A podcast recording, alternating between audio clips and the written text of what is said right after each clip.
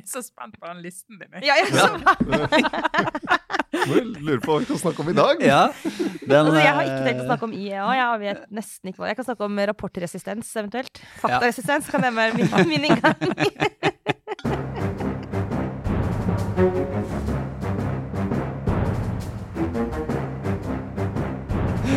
Ah, ja. Nei, men Da er vi i gang med denne ukens Aftenpodden. Vi er på plass i studio alle sammen. Nå kan vi jo faktisk Vi kan jo, vi sitter fortsatt like langt unna hverandre som det vi har gjort. I eh, muligens etter nye regler. Etter hvert en gang i framtiden så kan vi sitte nærmere. Men, eh, men det får gå bra. Eh, Sara Sørheim, god dag, god dag. Hei. Men jeg lurer på om vi kommer til å bare slutte å være nær hverandre i dette samfunnet. Det er faktisk. Men det får vi se. Men hei, god morgen. God morgen, for du er jo da eh, tidligere koronasyk. Eh, god morgen, eh, ferskvaksinert Trine Eilertsen. God morgen. Og ferskvaksinert Kjetil Siri Alstheim. Ja da. Eh, hyggelig å ha dere her. Det er eh, Men mye du, rart du som er trygg, Lars. Jeg er trygg. Altså, På grunn av oss. Ja. Dere er mitt sånn uh, Vi menneskelige skjold rundt deg. Ja. En slags buffer mot, uh, mot eh, smitten ut i verden, og det setter jeg veldig stor pris på. Uh, vi skal jo inn i litt sånn klimapolitikk og vaksineprat og det meste. men dere kom jo da ferskt fra en utrolig nerdete kveld arrangert av Aftenposten, Kjetil og Sara. Også Aftenposten arrangerer av og til eh, live-arrangementer, sånn som vi også har gjort med podkasten. Nå i disse tider så er det jo da streama eh, ting på nett som tilbys abonnenter. Så dere hadde da en, hva skal jeg si, et, en framkikk mot valget med et eh, utrolig smart eh, perspektiv på tall. Ja, ja, men det er ikke ja, men så smart. smart. Det er jo ikke Nei. så smart. Hallo, altså. Det Ja, er, de, de, de har Stockholm-syndrom, Ja. Lars. De har vært der. det, det, var, det er blant annet om det For å gå rett inn i nerdingen, da. Norsk regnesentral prøver å, å beregne hva blir valget. Hva blir valgresultatet. Eh, de har, eh, de har en, eh, en modell, en algoritme, som da spiser masse tall fra alle meningsmålingene, lager et gjennomsnitt, ser på hvordan partier har utviklet seg ved tidligere valg, og så knar disse tingene inn i, inn i serveren sin, og så kommer det ut med sannsynlighetsberegninger og, og eksempel da eh, at det den modellen sier nå, så er det 95% sannsynlighet for at det blir et nytt flertall med, hvis du regner liksom, den totale rød-grønne helt fra kommunister til bønder. Men er det, for det her nå, jeg eh, som eh, faste lyttere kanskje vet, så brukte jeg veldig mye tid i fjor på å følge den amerikanske valgkampen, og lagde jo ukentlige podkaster med Øystein Landberg, eh, som sammen med Christina Pletten har fortsatt med Aftenpodden USA, anbefaler den. Men da fulgte vi jo blant annet tett disse modellene til sånn Nate Silver og 538 og sånne ting. Og det er veldig fascinerende, da var det veldig fascinerende i starten. Og så endte det opp med det store spørsmålet sånn, hva er det egentlig dette sier for noe? Fordi når det kommer til valgdagen, og det er 95% så ok, men det har jo vist seg da at det, det ikke holder. Og hva er egentlig, hva er det man egentlig vet? Eh, Svarte de på det litt sånn grunnleggende kjipe spørsmålet? Nja, altså de Ja og nei. Altså det de prøver, og det er jo Nate Silver som er gudfaren bak dette her, og det er nesten bare menn som driver med det, har jeg lagt, lagt merke til. Og det er liksom sånn desperat forsøk på å bare vekte ting riktig. Og det er jo en slags sånn tro på at hvis du bare treffer riktig på den vektingen, så vil du klare å, å, å liksom komme med et resultat som er veldig likt valgdagen. For eksempel så hadde de oppdaget i Norsk regnesentral at for eh, fire år siden så hadde de lagt for lite vekt på eh, de siste målingene. De har tatt gjennomsnitt for å få et, eh, et balansert bilde, sant? Tatt meningsmålinger over tid. Men fordi folk skifter mening, så er det alltid den siste målingen er mer relevant enn den som er et år gammel. Det skulle man tro var naturlig nok. Ja, men de hadde ikke lagt nok Altså, i denne helt sjukt kompliserte algoritmen, så var ikke eh, de siste målingene vekta tungt nok, ikke sant? Sånn, Så nå har de skrudd på det. Men poenget er, de kan skru og skru og skru og skru og skru. Det de aldri klarer å forutse, er jo at mennesker er jo helt ko-ko. Altså, vi gjør helt sjuke ting. Altså, mennesker er jo ikke forutsigbare. Så samme hvor god algoritmen er, så kan du ha en person som stemmer, sier en skal stemme SV, men ah, jeg stemte Frp. Og det kan, kan du aldri måle. Så det korte svaret er at det går ikke an å måle, egentlig. Men du kan få en pekepinn på noen stemningsbølger i samfunnet som er veldig relevant for oss eh, som skal dekke valgkampen. Men det der 95 Kjetil, du kan, ikke, du kan ikke si at okay, det er 95% Altså Det er en antakelse, i beste fall. Og så er det, det er, ja, så er det nå- nå er vi i slutten av mai. Det er ganske lenge til valgdagen 13.9. Det kan skje ting som eh, påvirker eh, resultatet. Du kan ha stemningsbølger i folket når alle er vaksinert, og jippi, hva betyr det egentlig? Og hvor høy blir valgdeltakelsen? Hvem går og stemmer? Så det er, så det er jo mer sånn Det er noe å bruke for å prøve å analysere hvor, eh, hvor er det velgerne er på vei. Ja. Og så er det jo grunnen til at det fulgte det så tett i fjor i USA, så er jo det er jo gøy å, å få en sånn kvantifisering på noe som egentlig er umulig å, å sette et tall på. Så jeg skal ikke undergrave den modellen fullstendig her. Jeg var litt blasert fra fjoråret. Men det vi kan si, da, eh, bare videre i eventkalenderen, så kan vi jo øh, gjøre tydelig at abonnenter på Aftenposten kan da følge oss i en, eh, det vi vil kalle en slags eh, Aftenpoddens avsluttende sommerpresskonferanse. Og det, og det, og det som er så gøy med at den er på digital i år, det er jo at folk i hele landet kan få lov til å se på. Ja. Ikke bare de som kan kjøpe billett og komme der vi nå måtte være. Hele Norges Ja! Aftenpodden. Ja. Hele Norges Aftenpodden. Så, Velkommen! ja, så det skjer uh, 15. juni.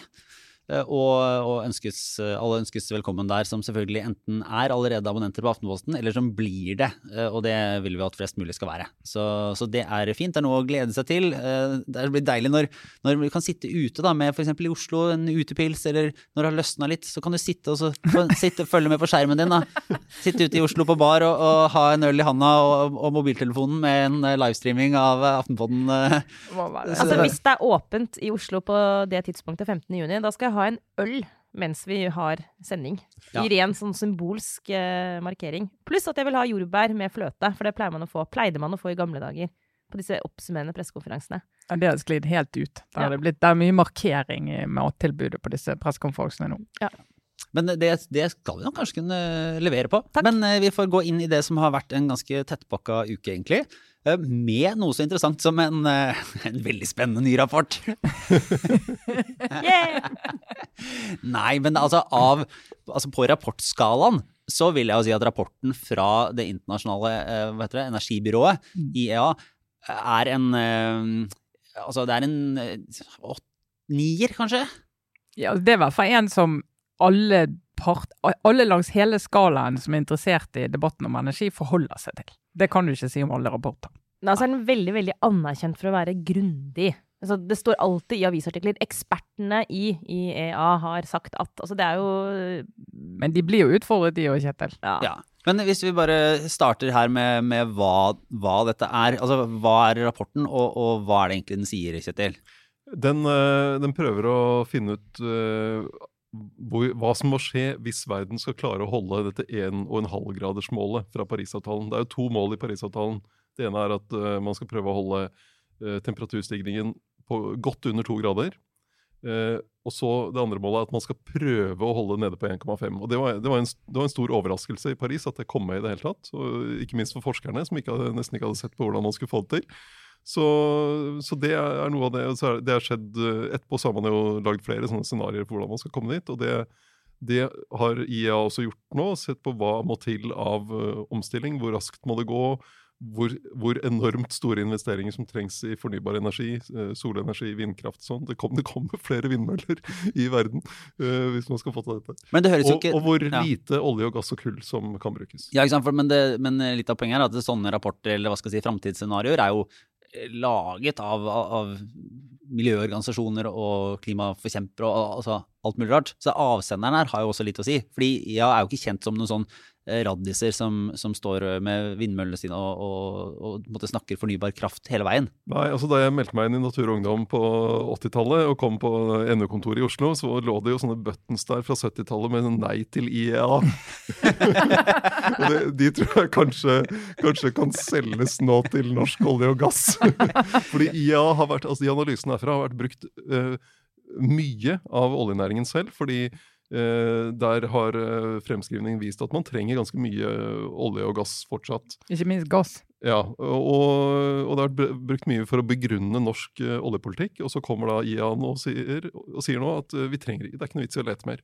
Det, er ikke noe, det må investeres fortsatt i felt som er i gang og felt som er funnet, men det er ikke noe vits å lete etter mer olje og gass. Det må Altså ikke noe vits fordi det faktisk ikke er noe vits, fordi vi trenger det ikke- ikke, eller fordi hvis- det politisk sett ikke er lurt, eller fordi vi ikke vil det. Hvis du Ja, for du når ikke eh, må- grademålet. nei, du, kom, du kommer ikke til å kunne brenne eh, den oljen og gassen hvis man skal, verden skal øh, gå den veien da, til 1,5-gradersmål. Jeg føler, jeg føler at det er sånn som eh, Kanskje litt søkt bilde, men når sånn venner som skal, skal konfirmeres, og så har alle vært sånn enige om nei, vi skal ikke konfirmere oss, vi skal ikke konfirmere oss, og så er det plutselig en som snur seg sånn jo, jeg, nå er konfirmasjonen her på søndag, jeg. Skal få 30 000 av bunad og, og holde på. Eller sånn. På de som har vært veldig sånn på den oljelinja i norsk eh, klimapolitikk, de har jo sett på sånn Ja, men vi har backing fra EA.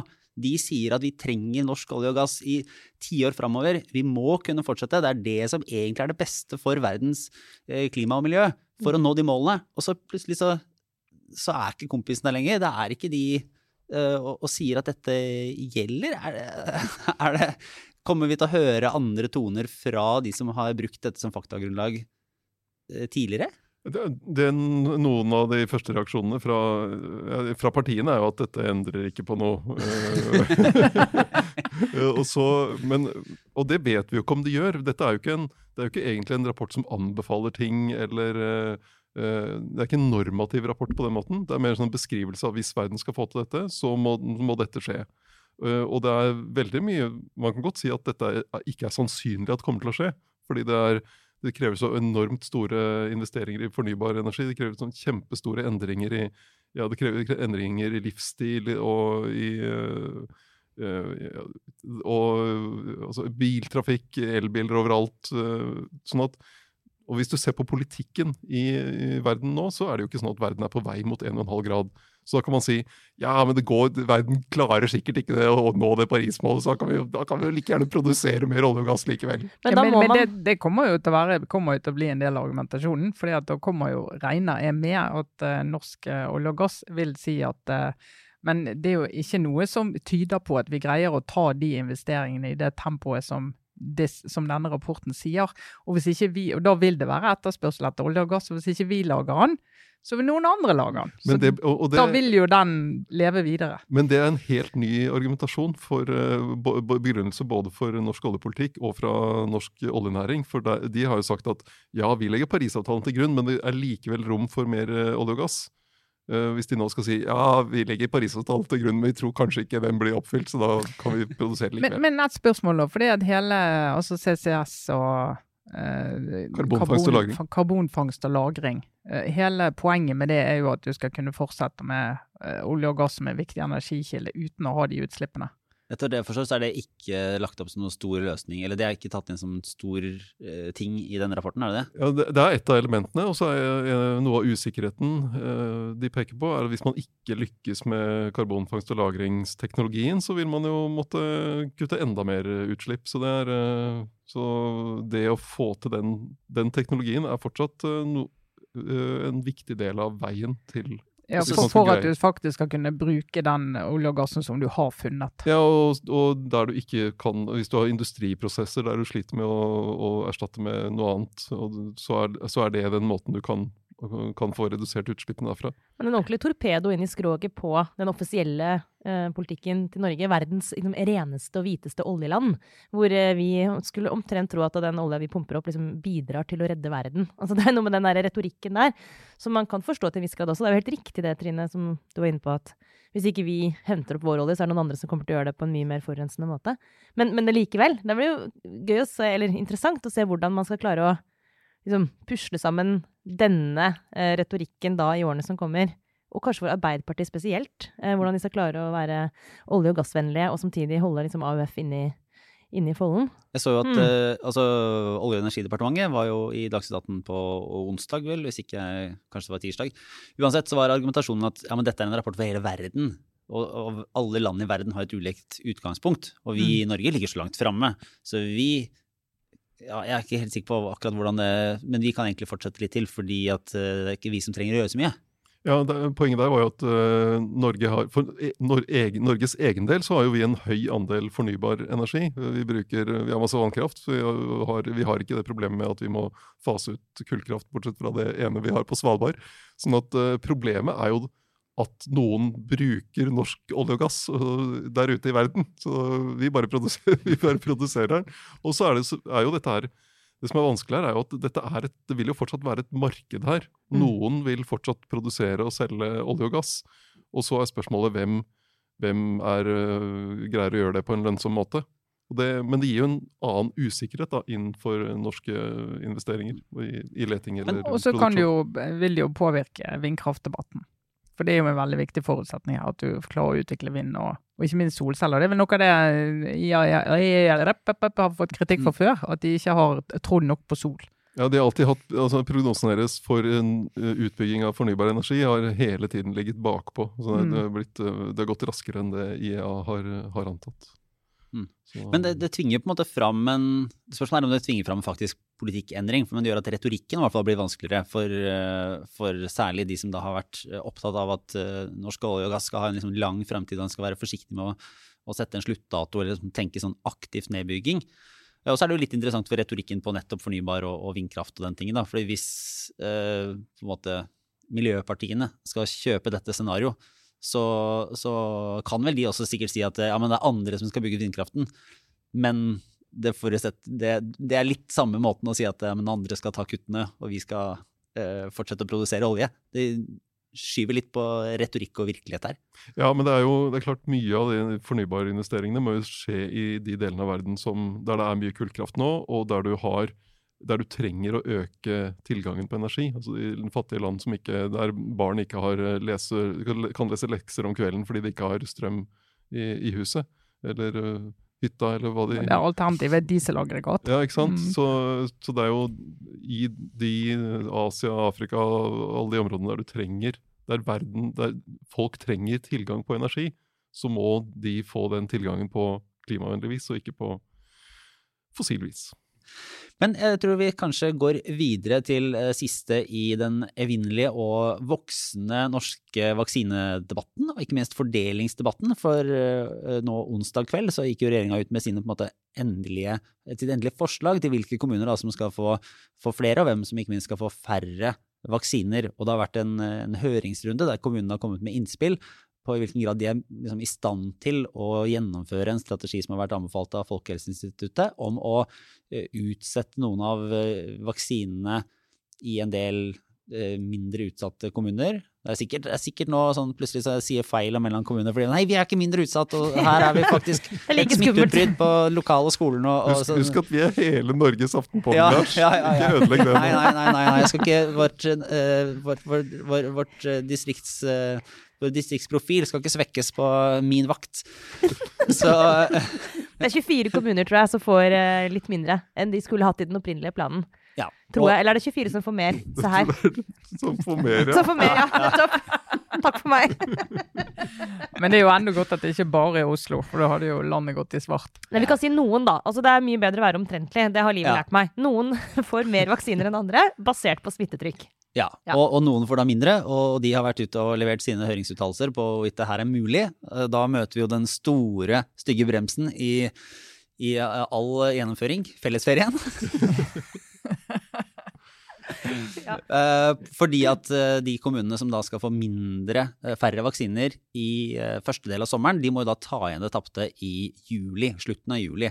Og, da er det jo en utfordring, både for Kanskje ikke for de aller minste kommunene, egentlig, ifølge Helsedirektoratet, men de som er litt sånn mellomstore, for de får liksom større volum på det arbeidet de må gjennomføre i slutten av juli, og det eh, viser seg å være vanskelig. Og da skal ikke jeg uh, virke veldig sånn eplekjekk på dette her, da, men det er jo noe fremmed. Jeg hørte godeste Espen Rostrup Nakstad var i debatt og snakket med noen sånne kommuneleger. Og jeg føler det er vanskelig å sitte som en sånn kommunelege i et, eh, en, kommune med veldig veldig få smitta og snakke til Nakstad med at arbeidstrykket har vært veldig mye, og at de allerede er litt slitne. Det er en fyr som har stått på absolutt hele døgnet et år, som er sånn lettere oppgitt med å sånn, eh, forklare at det burde kanskje gå an å gjøre dette her også i juli, og at vi har ressursene, her kan det settes inn. Ja, for nå er det bare å si sånn let the shit show begin. Altså nå har vi eh, den gode gamle by og land-konflikten helt reelt. Altså dette er mest, det er den spisseste by og land-konflikten vi har hatt. Og det kommer da på toppen av det som føles som et århundre med sånne distriktsdiskusjoner. Så kommer dette her og liksom bare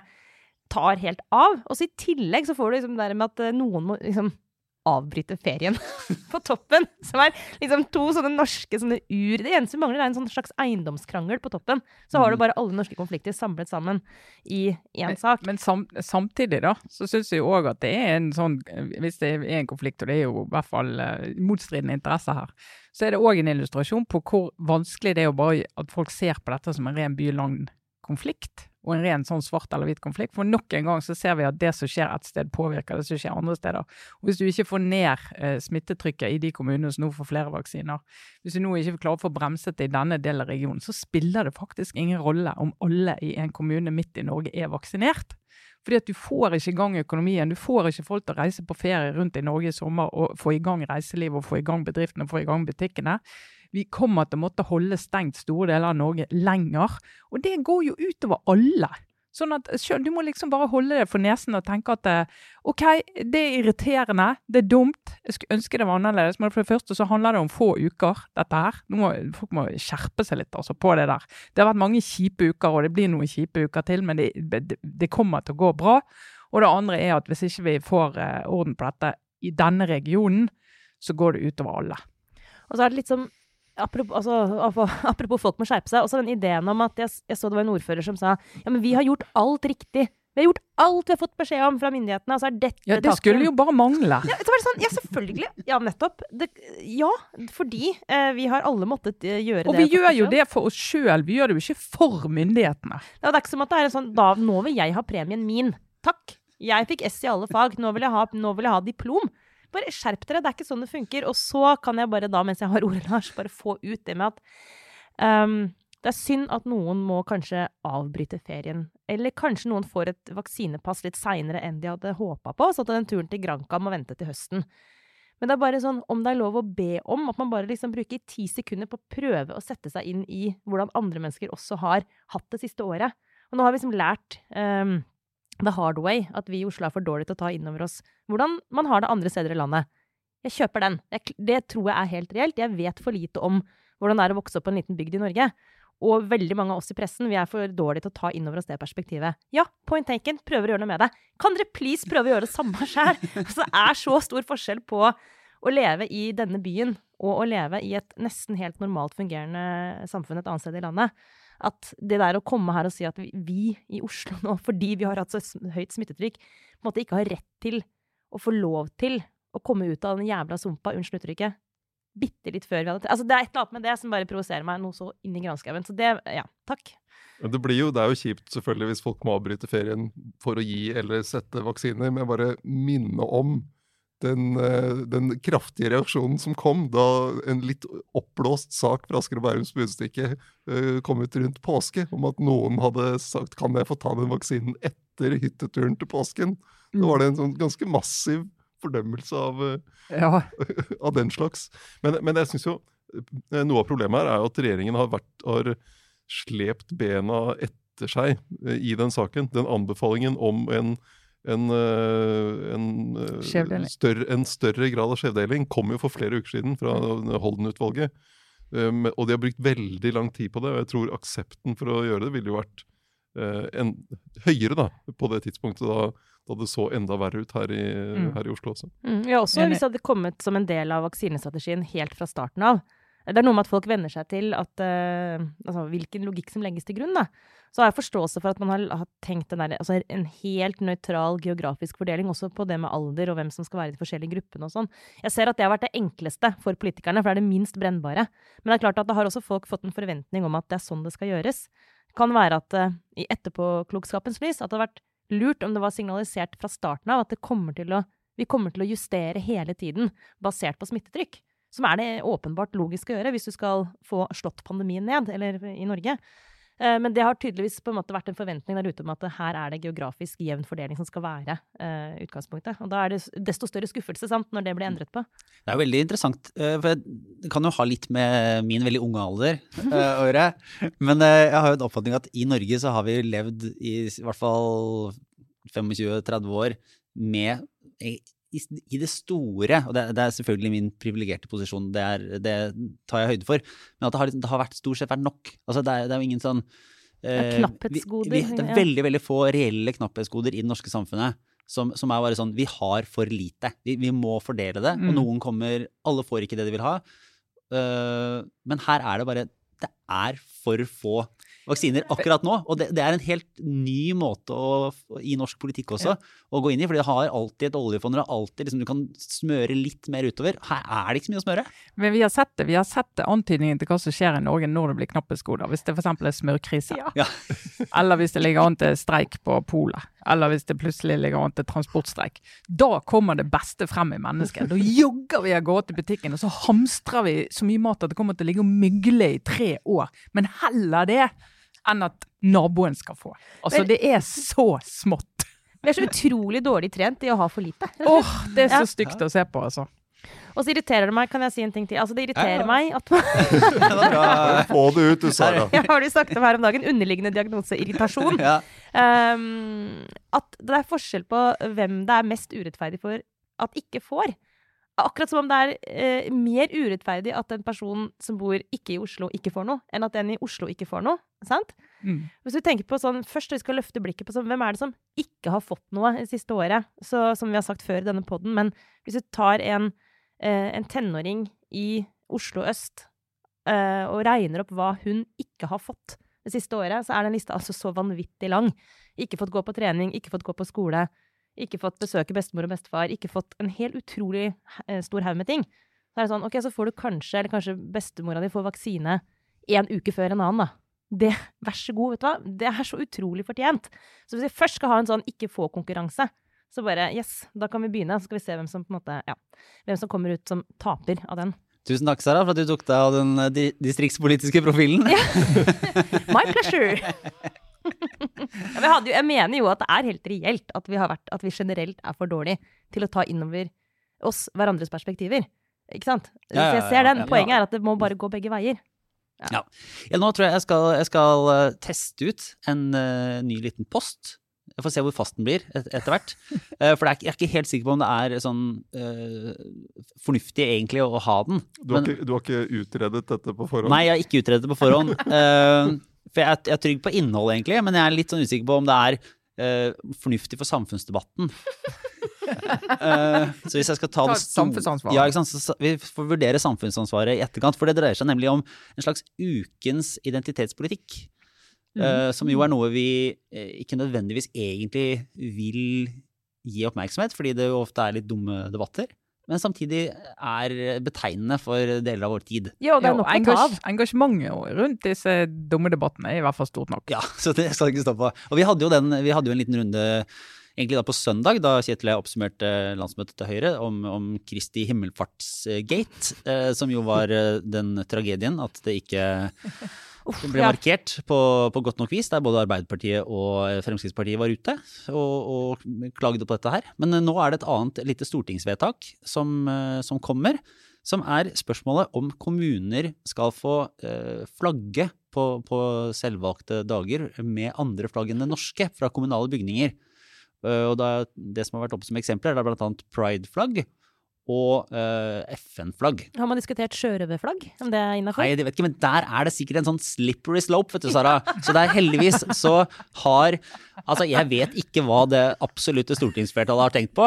Uh, fordi alle partier unntatt uh, Fremskrittspartiet gikk jo inn for denne galskapen. At de skulle få lov å velge Ja, sjøl? ja. Kan Men, kommunalt selvstyre Ja, på en en sånn sak? men ja, ja-partiet, eh, Fremskrittspartiet, eh, mente da at eh, dette her må man være, som Helge André Njåstad sa, må være, var redd for, uh, for at det skulle svekke statusen til det norske flagget, da, på et vis. Velkommen hjem til oss og se hvordan femåringen behandler det norske flagget på, på 17. mai. Ja, Så det sånn. Og det er, det er ikke tilfeldig at det har vært mye prideflagg rundt i gatene der når, eh, når, eh, i tidligere tider, Sara. Så her er det bare å ta ansvar. Nei, det er altså så rart hvordan et, et, eh, et parti som Fremskrittspartiet, da, som jo har vært et ja-parti, vil ha eh, selvstyre i kommunen. Du skal få eh, velge sjøl hvordan du vil bygge, hvordan du vil drive. Du skal ha inn måte, ulike tilbydere. I det hele tatt. Altså et, uh, Men staten skal drive eldreomsorgen. sta- ja, staten skal drive eldreomsorgen. Det, det fins noen uh, inkonsekvenser her, da. Eldreomsorg og eh, flagg. Det Ja. er liksom Det er for alvorlig Det var- å overlate til lokalt sjølstyre. Mm.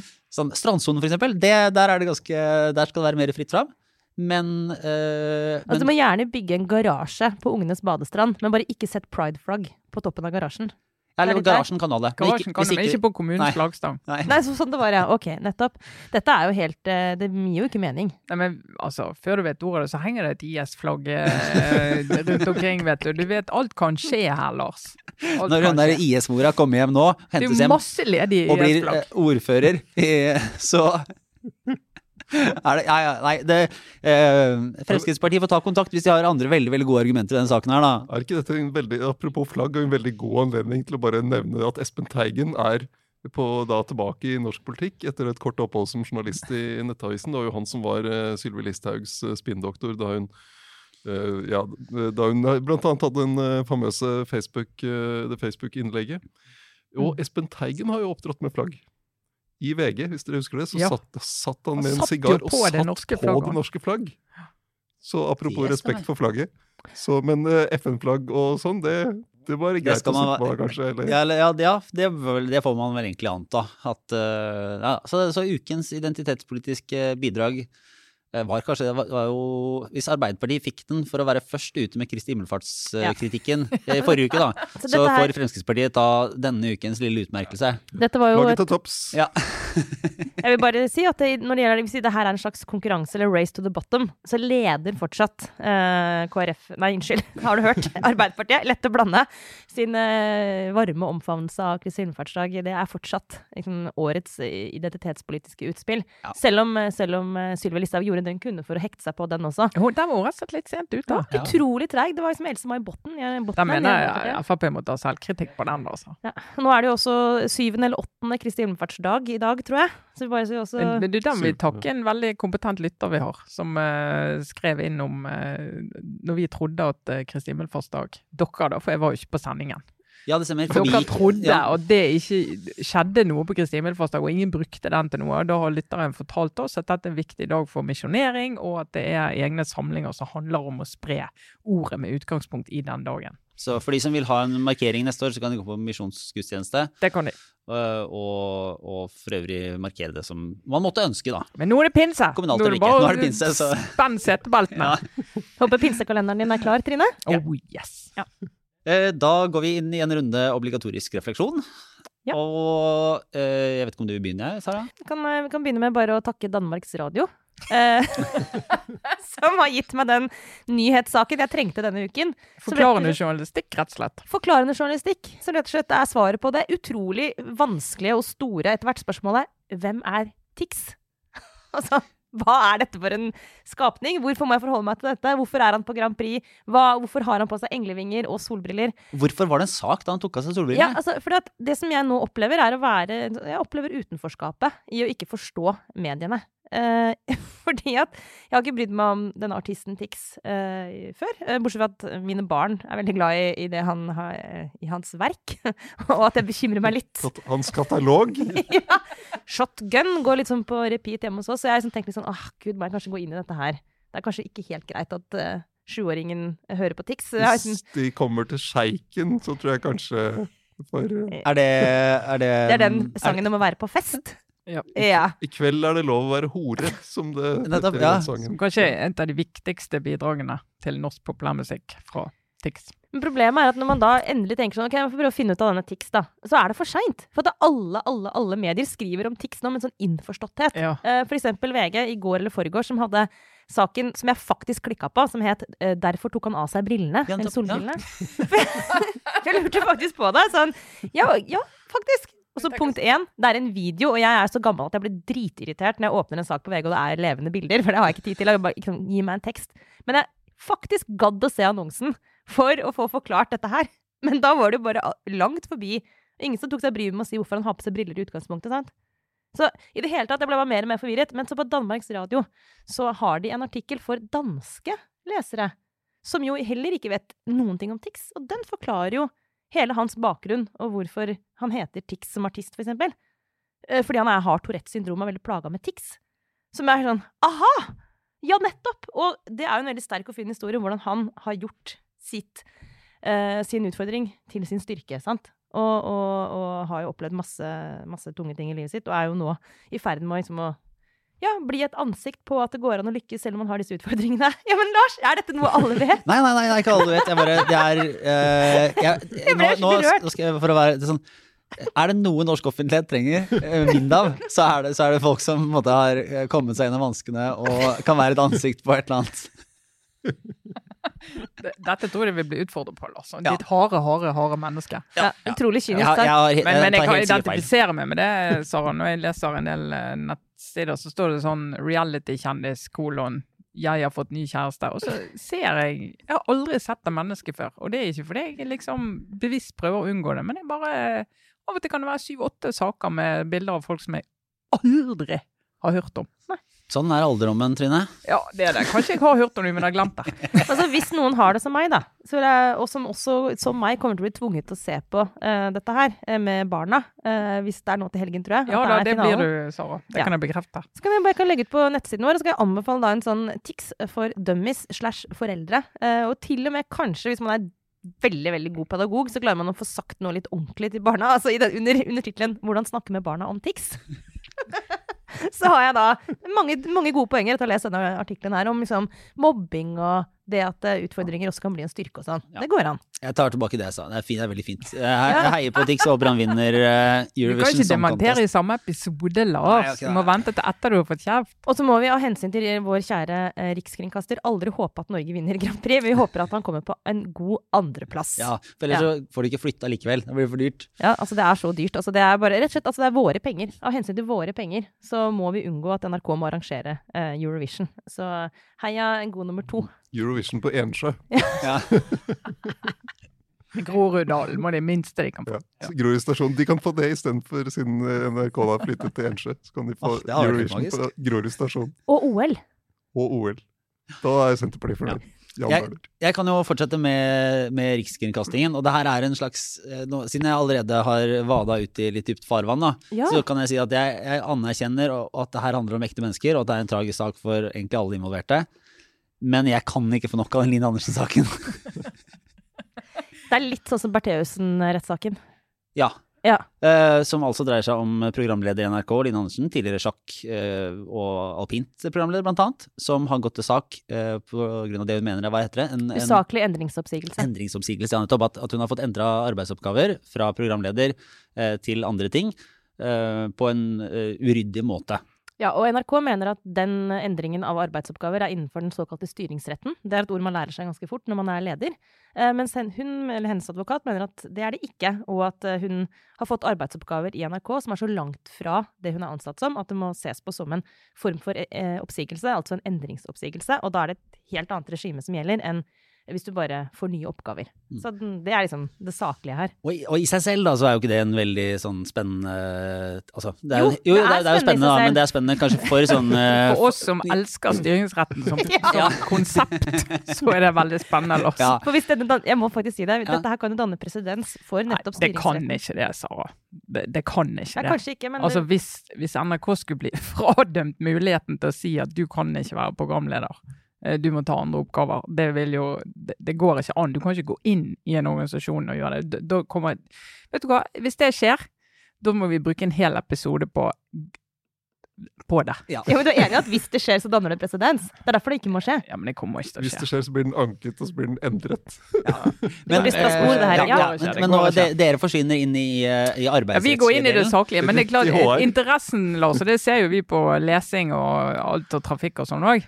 Alle elsker jo å få et innblikk, altså virkelig bak gardinen på en arbeidsplass, og en veldig profilert arbeidsplass. Ja, og det er jo det som, fordi det, det dukka jo opp her fordi Line Andersen da ikke skulle dekke dette Var det et eller annet Fischer-sjakk-VM i 2019? Jeg har aldri fulgt de sjakksendingene helt, så jeg er ikke 100% innforstått, men det er et menneskelig drama her, da. Fordi hun gikk jo da liksom hun var sånn, Det kom ut litt mystisk den gang at hun, eh, i 2019 at hun ikke skulle dekke dette. Åpenbart lå et eller annet bak her. Eh, og så kom denne rettssaken, og så kommer det jo fram at det har vært en rekke konflikter da, eh, opp igjennom. Og eh, da får man nettopp et innblikk i det der miljøet. Og det er som en sånn, sånn sakte reality. Det er, det er ikke så veldig spennende som skjer, men du dras inn i det. Ja, for det som er med rettssaker Altså rettssaker er jo, det tror jeg jeg har sagt før i Aftenpodden, men det er jo et, er jo et virkelig sånn drama. Eh, og der gjelder jo eh, ikke de reglene som i pressen ellers eh, som vi følger rundt måte, hva skal du dele av f.eks. personlige og til og med private opplysninger, eh, og tilsvarsrett og alle mulige ting som når det gjelder hvordan offentligheten håndterer informasjon. Alt det er borte i en rettssak. Eh. For der, der kommer det altså der, Det er virkelig Alt skal frem i lyset. Det er jo vakkert og fint at det er sånn. I rettssalen. Men i dekningen kan det ikke være sånn. Men i det som nå skjer, sant, det er jo en personalsak. Eh, åpenbart en trist og vanskelig personalsak. Eh, hvor ingen av disse hensynene legges til grunn for det som er sagt i retten. Det skal ikke det heller. Men da får du jo frem helt Altså, du får et innblikk som er helt reelt i en utrolig vanskelig og sykt konfliktfylt uh, sak og et arbeidsmiljø. Og det er jo noe vi ellers aldri får. sant? Mm. Så det er jo helt reelt et realityshow. Og så er det jo litt sånn, det blir jo ekstra dynamikk i det, fordi Linn Andersen har jo en stor plattform som en folkekjærartist, og hun har jo brukt den til å eh, Jeg skal ikke liksom, anklage for forhåndsprosedere, men hun har liksom fortalt liksom, sin side av denne saken i, i et par runder i, eh, i offentligheten. Og så det liksom, dykker det opp enda mer, da. Og hvem som har rett og hvordan dette er, det skal ikke jeg påstå å ha noe fasit på, men, men det legges jo fram Det vises jo helt klart en programleder med et ganske stort sånn ego og drive, da, som, som helt sånn eksplisitt har uttrykt at hun burde få denne oppgaven fordi hun er bedre enn andre til å gjøre det. det for alt jeg vet, så har hun rett i det. Men det er jo et eller annet også med å se den derre bildet noen åpenbart har av seg selv, og som hun erkjenner selv i retten, ikke har forstått hvordan disse konfliktene øh, har en innvirkning på kollegaene rundt. Og Ja. det, det er jo et Det har jo gått noen historier, for å si det sånn, om store egoer i NRK. Ja, og i TV. Sant? For TV er et Mm. utrolig sterkt medium. Og det å være en veldig sterk TV-profil, det vet jo altså både i TV 2 og NRK tror jeg kan fortelle levende om at du har eh, individer som, eh, som hva skal jeg si, blir veldig dominerende og, og veldig markant inn i det. Og det er veldig viktig at de kan prestere når de er på luften og alt dette, sånn at du får den der eh, spenningen mellom at eh, disse skal jo også fungere i, et arbeidsmiljø, men de skal også kunne prestere optimalt. sant? Sånn at det, det, blir ofte en ganske sånn krevende situasjon. Men det som jeg synes med mediedekning av denne saken her, for dette er veldig vanskelige saker å gå inn i, og hvis du som medium går inn og sier ok, vi skal inn i det, og det, det er interessant å gå inn i det når en så tydelig profil saksøker arbeidsgiveren sin, ikke for å bli oppsagt, for det, altså, dette er ikke en oppsigelsessak, det er en omplasseringssak. Og så går du inn i det, og så sier du hun må få lov å fortelle sin historie. Ja, det må hun jo få lov å gjøre, og det har hun fått gjort i flere medier. Men poenget er hvis ikke du, og så går du til arbeidsgiver og sier arbeidsgiver, men vi kan ikke kommentere det. Eh, Det vi har å si, det kommer i retten. Og det skal du som arbeidsgiver, og sånn må det være. Én ting er hensyn til eh, den arbeidstakeren, men også hensyn til alle de andre på arbeidsplassen. De må jo være sikre på at de har en arbeidsgiver som aldri går ut og forteller om eh, personalsaker. Så at arbeidsgiver er eh, bastet og bundet og låst. Men da må du jobbe med kilder på en annen måte, som gjør at du kan få et inntrykk av hvorfor denne konflikten har oppstått, sett fra et annet ståsted. Og en del av mediedekningen her har vært altfor preget av at hun har fått eh, snakke fritt om dette, og så har du liksom ringt NRK, og så har de sagt nei, vi har ingen kommentar. Så blir det litt sånn ja, det er det NRK har å si. Og da ser du i sosiale medier, så har du faktisk en voldsom sånn eh, eh, hatsk tone mot NRK og arbeidsgiver, da, som liksom blir sett på som eh, store og mektige her. Og den uformelle makten hun har i kraft av den eh, plattformen hun kan få seg bare ved å løfte en telefon eller å ta av telefonen når redaksjonen ringer, den blir nedspilt. Og så blir det stående sånn stakkars, stakkars eh, Line Andersen før det går inn i rettssaken. Så hun har allerede vunnet folket. sant? Du har en Facebook-gruppe som sier vi som vil ha Line Andersen tilbake på skjermen og sånn. Har masse støtte bak seg. Og jeg tror NRK blir uansett stående som litt sånn hard og tåler ikke at folk er gode i jobben sin, og det er sikkert, og ligger under linjene i en del av disse sakene. Eh, og Det er mannskultur og det er guttekultur, og det er helt sikkert det, og de tåler ikke en kvinne som er tydelig og som presterer. sant? Og så har du hele det narrativet ligger der når saken begynner. Men selvfølgelig, da vil jo må, må de samme mediene dekke saken ganske detaljert, selv om jeg syns flere av de har gått altfor langt i å gjengi det som sies i retten, bl.a. om eh, helsespørsmål. Det er vel- ligger mellom linjene som sier det, at, at eh, det oppfattes som, fra Andersens side, at det oppfattes som litt sånn Dette er ikke så fremmed innafor denne kulturen, men eh, det tas kanskje ses på en annen måte fordi hun er kvinne. Jeg, jeg tror ikke hun har sagt det rett ut, men, men har snakka om hvor vanskelig det også har vært å, eh, å gå i møte med sant? Var det tre mannlige sjefer? altså den, Der ligger et perspektiv der.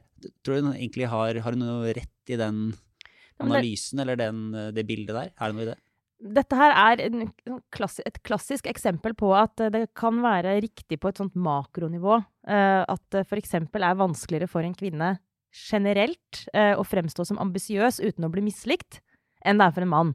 Man tåler sånn, du vet, sånne, sånne ve veldig tydelige ambisjoner. At, at, vi generelt tåler det bedre fra en mann. For vi er mer vant til at menn er sånn. Sinne også. Eh, liksom, raseriutbrudd. At man liksom en, en, en, mannlig sjef som blir sint, er lettere å tåle enn en kvinnelig sjef som blir sint, osv. Og, så og det er jo riktig.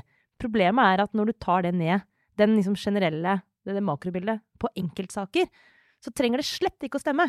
Ja, det kan være mer krevende for en kvinne å være ambisiøs og bli likt for det. Det trenger slett ikke å bety at Line Andersen har blitt mislikt fordi hun er ambisiøs. Det vet vi ikke. Det er superskummelt å bruke sånne generelle antakelser og strukturer på enkeltsaker. Det er ingen av oss som vet hvorfor hun har havna i konflikt. Vi vet mer nå, vi vet veldig mye mer faktisk enn vi hadde trengt å vite. Men, men uh, uansett så er det sånn, det kan skyldes at hun blir utsatt for uh, fordommer og er i strukturer som gjør det vanskelig for henne. Kan også hende at hun har oppført seg kjempedårlig og, og av hensyn til det psykososiale miljøet på arbeidsplassen måtte flyttes. Det kan godt hende at det ikke har noen ting med verken hennes kjønn, posisjon eller noe annet å gjøre. Det vet vi faktisk ikke, og det tror jeg kanskje er, som Trine var inne på, noe som vi nå ser at fordi hun fikk så mye omtale i forkant av rettssaken, så må også NRK eh, bli viet plass nå under rettssaken for å holde den balansen.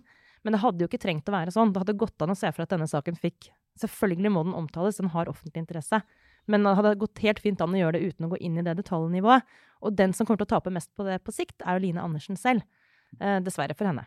Men er det, bare helt til slutt, for jeg sitter jo jeg er jo da eh, blitt utrolig engasjert i denne saken her. Uh, og det er litt skamfullt, da, for det, er jo, det har ikke sånn kjempestore det er, Selvfølgelig kan gjemme seg bak noen prinsipielle interesser, men det er et interessant innblikk i en arbeidsplass og et menneskelig drama. Men eh, det kan man jo si som nesten alle rettssaker, selv om det, er, om det er kjente personer eller ikke. Så jeg må nok Jeg vil nok si at det objektivt sett er overdekka, denne saken her. Ja. altså, den er jo det.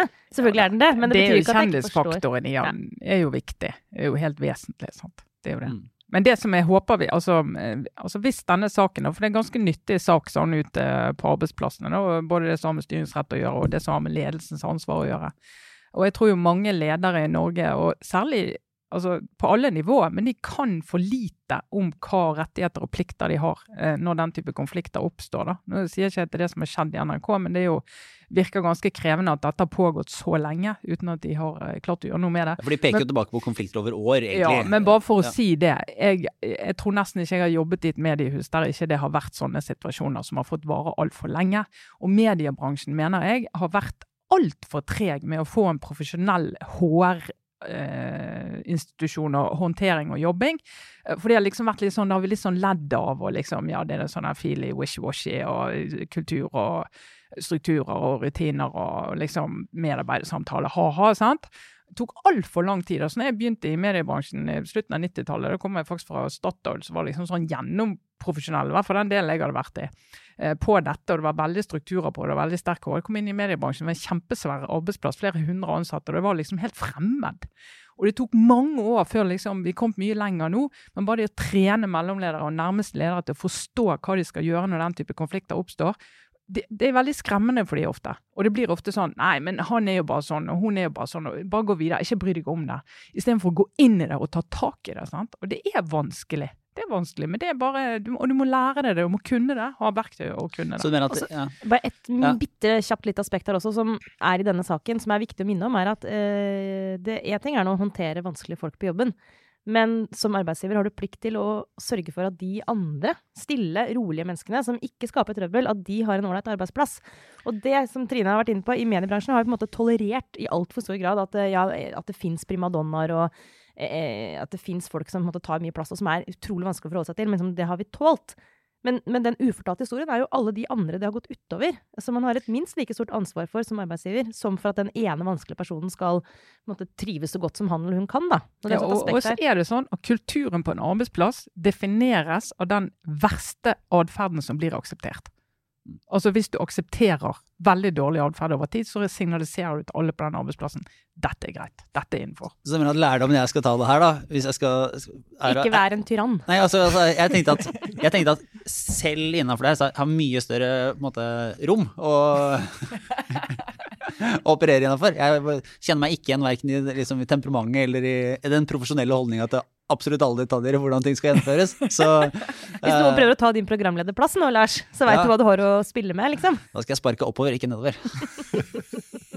Åssen er det med deg, Kjetil? Har du en obligatorisk refleksjon? Ja, altså jeg prøvde Jeg tenkte vi måtte ha litt mer sånn KRLE, siden vi var litt dårlig i oppkjøringen til Kristi himmelfartsdag. Og så er det jo det er pinse som er nevnt. og Det var jo da eh, disiplene fikk Den hellige ånd. kom flammer fra himmelen. og så hadde de, På maleriene hodet? så var det sånn flammer på hodet. Du har satt deg inn i dette, Ja, ja. Kjetil. Eh, Er du egentlig prest? Og så har jeg lurt på eh, altså, hvor finner man den gode, sekulære eh, pinsemusikken? Altså Til jul så har vi jo sant, 'Driving Home for Christmas' og 'All I Want for Christmas Is You' og all, alt det der. Men, men den sekulære pinsespillelisten Så jeg, jeg har prøvd å, eh, tenkte jeg skulle hjelpe lytterne med det, så jeg har googlet frem og funnet uh, en, en liten perle i et album, dansk album fra 1978. Da har du lett dypt i kista. Ja, dette har vært uh, grundig. altså Albumet heter 'Harpens kraft'. Og Høres det ikke veldig sekulært ut. er visesangeren Frode Veddinge, Bare vent. Eh, eh, og før jeg går løs på å fortelle om teksten, som jeg har litt mer KRL her, og det er om dere vet hva Mortenskås er? Ja, dansk, ja. Mortenskås er, er mat, en matrett? Ja, det er en, eh, En en slags feiring. Det er en feiring av Martin, Martins messe 11. november, som var da en eh, til minne om eh, Martin av Tour, som eh, levde fra 315 til 397 etter Kristus, og som i sin, var så beskjeden at han ikke ville bli utnevnt til biskop. Og så gjemte han seg blant gjessene da de prøvde å finne ham, og så ble han da avslørt av gjessene. Og så da som straff så spiser man en gås en gang i året, som er Mortens gås. Martin eller Morten?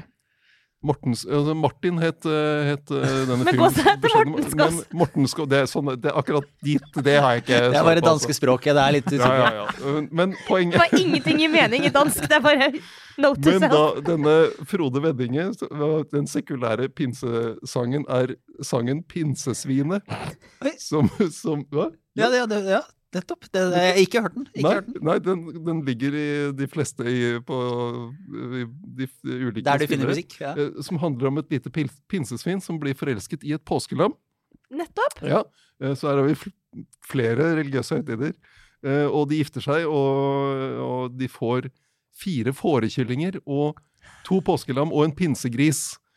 Og dette er jo litt mystisk, disse fårekyllingene, så pinsesvinet blir, eh, blir litt sjalu. Og så viser det seg, og det er her Mortensgåsen kommer frem, da, at en av de faste gjestene i husholdningen er en sterkt erotisk Morten Skås. Så, så det, dette blir veldig dramatisk, for pinsesvinet blir så sjalu at han tar livet av Mortensgåsen og serverer den til familien i, i eh, en, uh, ja, en passende saus. Skal vi se, eh, i en engelsk sås, som heter i sangen.